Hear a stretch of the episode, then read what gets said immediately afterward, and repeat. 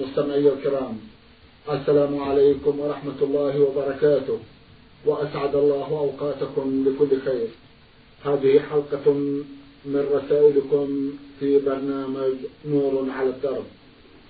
رسائلكم في هذه الحلقة نعرضها على سماحة الشيخ عبد العزيز ابن عبد الله بن باز الرئيس العام لإدارات البحوث العلمية والإفتاء والدعوة والإرشاد. مع مطلع هذه الحلقة نشكر سماحة الشيخ على تفضله بإجابته للأخوة المستمعين ونسأل الله سبحانه وتعالى لنا وله الأجر والثواب. وأهلا وسهلا بسماحة الشيخ. الله حياكم الله. أولى رسائل هذه الحلقة رسالة وصلت إلى برنامج من المستمع عين يسأل ويقول هل يجب أن يقبض صداق المرأة عند تسميته أو عند العقد؟ أم تكفي تسميته ويجوز تأجيله إلى وقت لاحق بعد الزواج؟ جزاكم الله خيرا. بسم الله الرحمن الرحيم. الحمد لله وصلى الله وسلم على رسول الله وعلى آله وأصحابه وأتباعه بإحسان. أما بعد فهذه المسألة ترجع إلى اتفاق الزوجين أو الزوج وولي المرأة. إذا اتفقا على شيء فلا بأس. تعجيل أو تأجيل. أو تعجيل البعض أو تأجيل البعض كل ذلك واسع والحمد لله. لقوله صلى الله عليه وسلم المسلمون على شروطهم. ويقول صلى الله عليه وسلم إن أحق الشروط أن يوفى به ما استحللتم به الفروض.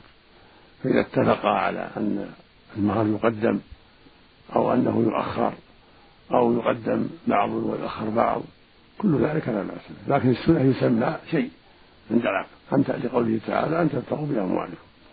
فيسمي شيئا من المهر إذا سمى شيئا فهو حسن. وإن قال على مهر مؤجل ولم يسميه فلا بأس. المؤجل إلى كذا أو مؤجل نصفه أو ثلثه أو ربعه ويبين المعجل والمؤجل لا بأس. كله واسع والحمد لله. جزاكم الله خيرا. رسالة وصلت إلى البرنامج من اليمن وباعثها المستمع عين سين عين. يقول سماحة الشيخ لقد رضعت مع فتاة في قريتنا في أثناء غياب أمي عني يوما كاملا. قل لا أدري كم أبلغ من العمر. وعندما كبرت رضعت معها تقول لي ولأسرتي أنت قد أرضعتك مع بنتي فلانة. وعندما كبرت تزوجت أخت الفتاة التي رضعت معها وهي الصغرى وحيث أن في البادية لا نعلم أنه يحرم من الرضع في حياتنا لنا ثلاث سنوات وقد خلفت بنتا وصارت الآن عدد الرضع لا نعلم. هل هي أقل من خمس أم أكثر؟ والتي يثبت بها التحريم وجهونا كيف نتصرف الآن؟ جزاكم الله خيرا. إذا كانت الرضعات لا تعلم فلا حرج عليكم. وزوجكم الزوجة معك والحمد لله. إلا إذا كانت المرضعة موجودة وهي ثقة فاسألوها. فإن ذكرت أنها أرضعتك خمس رضعات أو أكثر فأنت أخ للبنت التي تزوجتها لأن بنت مرضعة ولا تحل لك. أما إذا كانت المرضعة ميتة أو لا تعرف كم أرضعتك أو غير ثقة يوثق بها لفسقها أو كذبها فلا حرج عليك وزوجها والزواج صحيح والحمد لله. جزاكم الله خيرا. رسالة وصلت إلى البرنامج من إحدى الأخوات المستمعات تقول أم سعد الرشيدي من الرياض. تسأل جمعا من الأسئلة في أحدها تقول ما حكم إظهار اليدين والقدمين في الصلاة؟ وإن كان لا يجوز فهل إظهارهما يفسد الصلاة؟ بمعنى أن صلاة المرأة على تلكم الصورة غير صحيحة؟ جزاكم الله خيرا. إظهار القدمين في الصلاة لا يجوز عند جمهور أهل العلم ويبطل الصلاة. فإذا صلت وقدماها مكشوفتان وجب عليها أن تعيد عند أكثر العلماء. أما الكفان فأمرهما أوسع. إن سترتهما فهو أفضل وإن ظهرتهما فلا حرج إن شاء الله. نعم. كالوجه. الوجه السنة كشفه. إلا أن يكون عندها محرم غير محرم أجنبي فإنها تستر وجهها وكفيها. أما إذا كان ما عندها أحد أو ما عندها إلا نساء أو محارم فلا مانع من كشف الكفين. وإن سترتهما فهو أفضل. أما الوجه فالسنة كشفه في الصلاة إذا لم يكن عندها أجنبي. نعم. تسأل أختنا وتقول ما حكم قراءة الحائض للقرآن بدون أن تمس المصحف؟ في هذه المسألة خلاف بين العلماء والأقرب والأظهر أنه لا حرج. لأن مدته تطول ليست مثل الجنوب. الجنوب مدته قصيرة. يغتسل ثم يقرأ. أما الحائض والنفساء فإن مدتهما تطول فالأرجح فالأرجح والأصوب أنه لا حرج عليهما في القراءة عن ظهر قلب.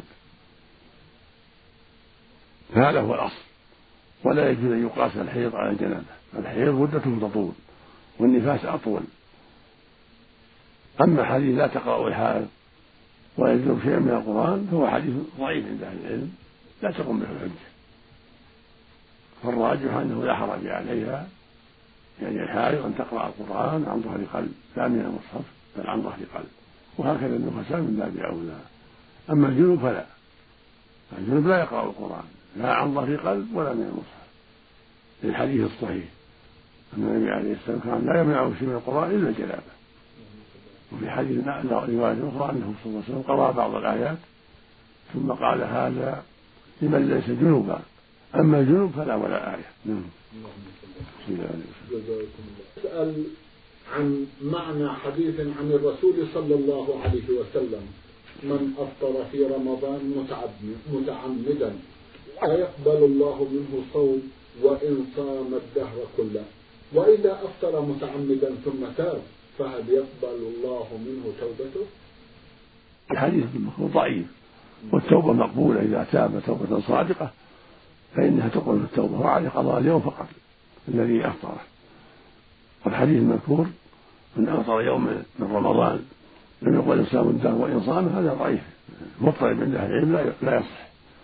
المقصود أن الحديث ضعيف والصواب أن عليه التوبة ولا يلزمه إلا قضاء اليوم الذي أفطره فقط. هذا هو الصواب.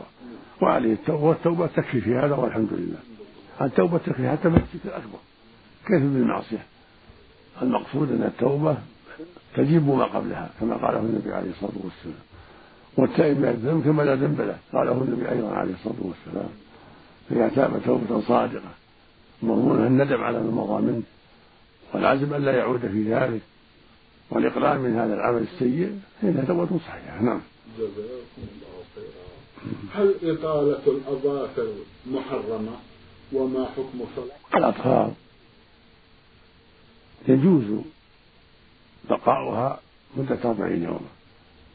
وهكذا الشارب وهكذا الإبط وهكذا العانة. لما ثبت من حديث أنس رضي الله عنه عنه قال وقت لنا وقت لنا في قص الشارب وقلم الطهر ونكف الإبط وحلق العانة ألا ندع على أكثر من أربعين ليلة. وفي لفظ وقت النبي صلى الله عليه وسلم فإذا بلغ أربعين وجب عليه قص الشارب قلب الظهر نتف الإبط حلق العانة. أما بقاء الظهر في أقل من ذلك فلا حرج إن شاء الله. هكذا الشارب هكذا الإبط هكذا العانة نعم. جزاكم الله خيرا. إن أظافرهن لأشهر حتى يدهنها بأصبغة ملونة ويعتبرن أنها لا يجوز هذا لا يجوز. إذا تمت أربعين وجب قلمها نعم. جزاكم الله خيرا. مستمع من السودان يسأل ويقول هل دية المقتول تقسم بين ورثته؟ نعم. الدية مثل التركة. جزء من التركة. تقسم بين الورثة. جميعهم. إلا إذا كان أحدهم قاتلا فليس له شيء. القاتل ليس له غير لكن الورثة الذين ليس فيهم القاتل تقسم بينهم التركة. والدية جميعا. الدية من جملة التركة. نعم. جزاكم الله خيرا. من الجماهيرية الليبية رسالة بعث بها المستمع مفتاح محمد يسأل عددا من الأسئلة في أحدها يقول في صلاة المغرب عندما يأتي المصلي لصلاة ويدخل المسجد هل عليه أن يصلي تحية المسجد أم لا؟ وهل يصليها بعد الانتهاء من صلاة؟ يقول في صلاة المغرب عندما يأتي ويدخل المسجد هل عليه أن يصلي تحية المسجد أم لا؟ وهل يصليها بعد الانتهاء من صلاة؟ من دخل المسجد. أن يصلي الركعتين تحية المسجد سواء المغرب ولا غير المغرب حتى ولو في آخر النهار قبل الغروب صلي تحية المسجد. لأنها من ذوات الأسباب ليس لها وقت نهي. صلي ركعتين ثم يجلس. هذه يقال لها تحية المسجد.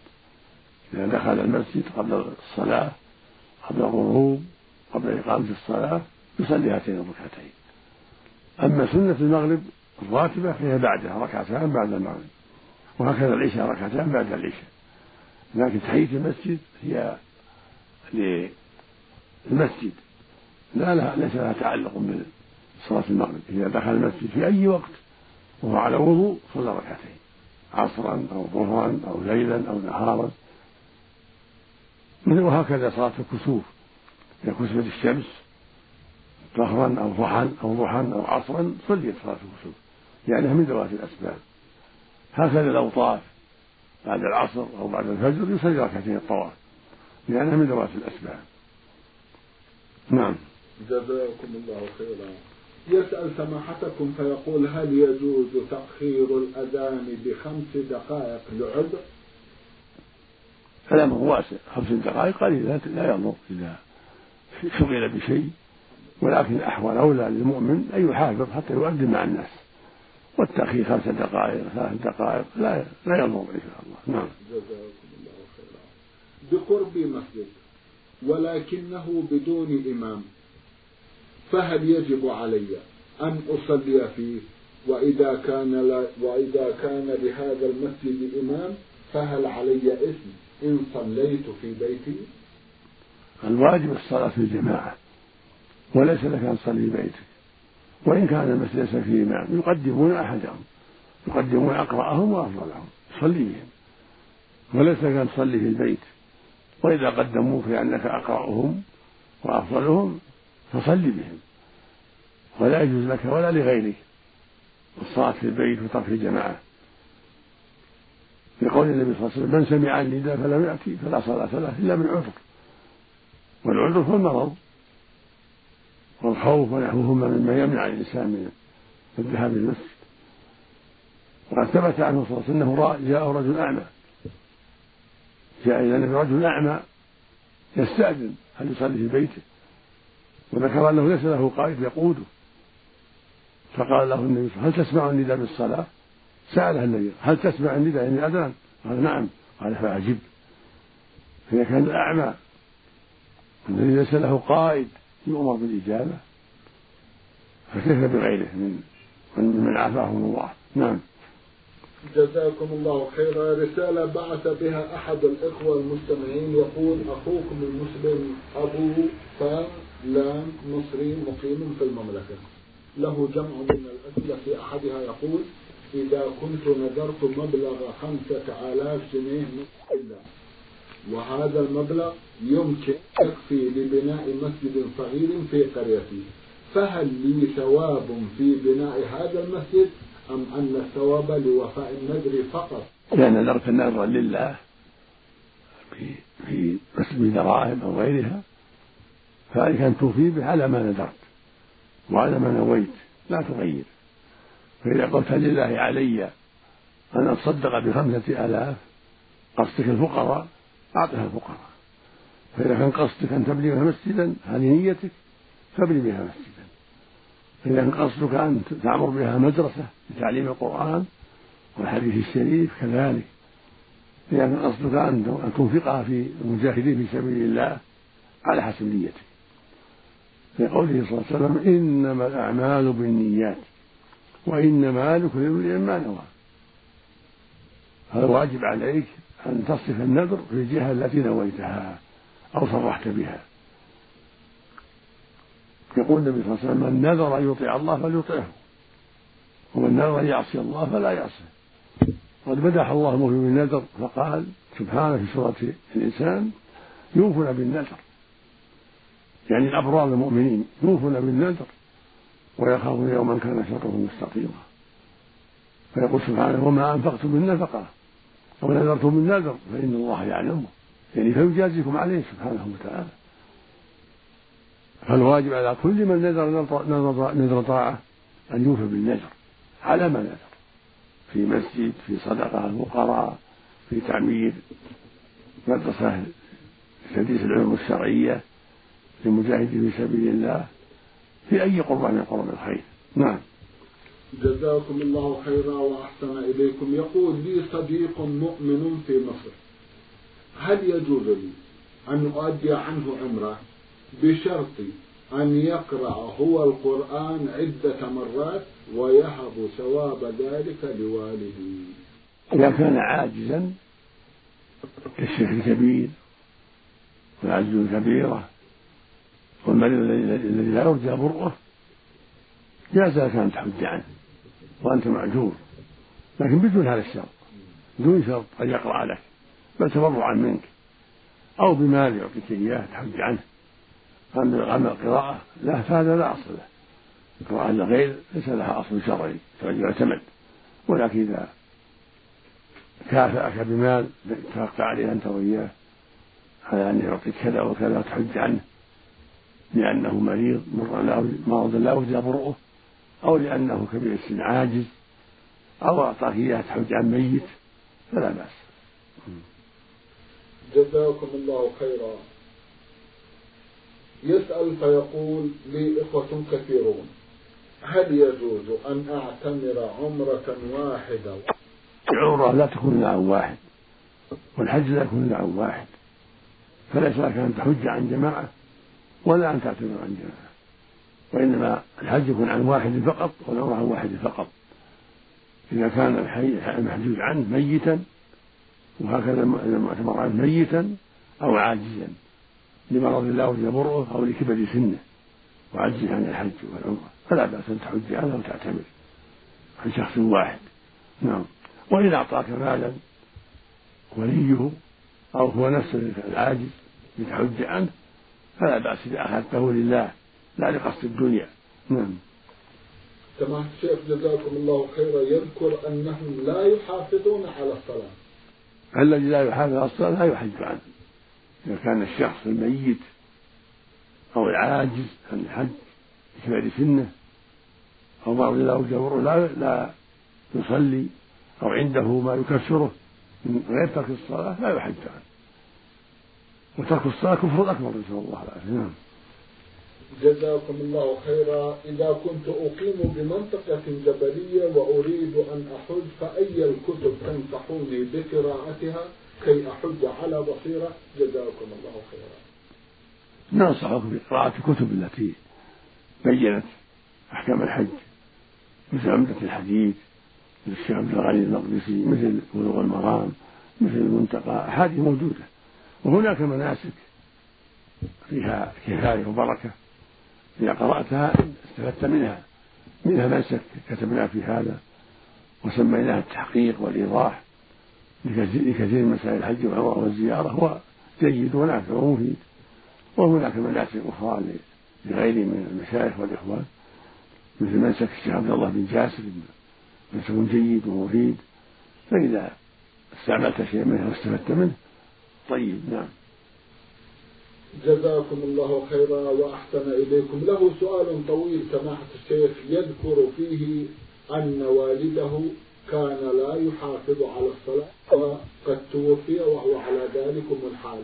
وخلف تركة كيف يكون موقع كيف يقتسمها هو وإخوته؟ هذه كانت تراجع المحكمة أنت وإخوتك. نعم. جزاكم الله خيرا وأحسن إليكم. رسالة وصلت إلى البرنامج من أحد الإخوة المستمعين هو المستمع المطالب إبراهيم محمد. الأخ يسأل ويقول فسروا لنا قول الحق تبارك وتعالى ولسوف يعطيك ربك فترضى. جاء في النصوص أن الله وعده الرب جل وعلا النبي صلى الله عليه وسلم أنه يرضيه في أمته ومن ذلك أنه يأذن له الشفاعة فيشفع لهم. في دخول الجنة ويشفع في كثير منهم دخل النار أن يخرج منها. وهذا مما أعطاه الله عليه الصلاة والسلام. وهكذا الشفاعة في هذا الموقف حتى يقضى بينهم. كل هذا مما خصه الله به. الشفاعة في هذا الموقف والشفاعة في أهل الجنة حتى يدخلوها. وأعطاه الله أيضا الشفاعة في العصاة. الذين دخلوا النار من أمته أن يشفع فيهم. فهو يشفع في عدد كبير. ويحد الله له حدا. ولكن هذا ليس خاصا به. شفاعة في شاء في من دخل النار ليس خاصا بالنبي صلى الله عليه وسلم. بل يشفع فيهم المؤمنون والملائكة والأفراد فليست ليست هذه خاصة به صلى الله عليه وسلم. أما الشفاعة في الموقف حتى يقضى بينهم والشفاعة في الجنة حتى يدخلوا هذه خاصة به صلى الله عليه وسلم. وله شفاعة ثانية خاصة به وهي الشفاعة في عمه أبي طالب حتى خفف عنه. كان في غمرات النار فشفع فيه صلى الله عليه وسلم حتى صار في ضحضاح من النار. لكنه لم يخرج من النار بل بقي في النار بل يبقى في النار نسأل الله العافية. نعم. جزاكم الله خيرا. يسأل سماحتكم عن حكم الضحك في الصلاة؟ وهل من ضحك في الصلاة هل عليه إعادة؟ الضحك في الصلاة يبطلها إجماعا بإجماع أهل العلم. إذا ضحك في الصلاة بطلت.